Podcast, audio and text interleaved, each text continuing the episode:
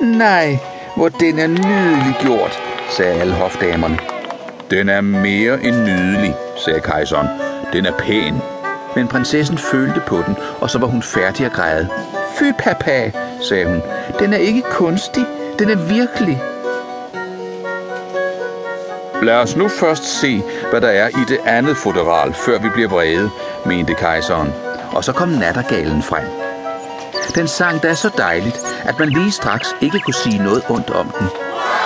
Superb, charmant, sagde hofdamerne, for de snakkede alle sammen fransk. Den ene værre end den anden. Hvor den fugl minder mig om højsalig kejserindens spilledåse, sagde en gammel kavaler. Og ja, det er ganske den samme tone, det samme foredrag.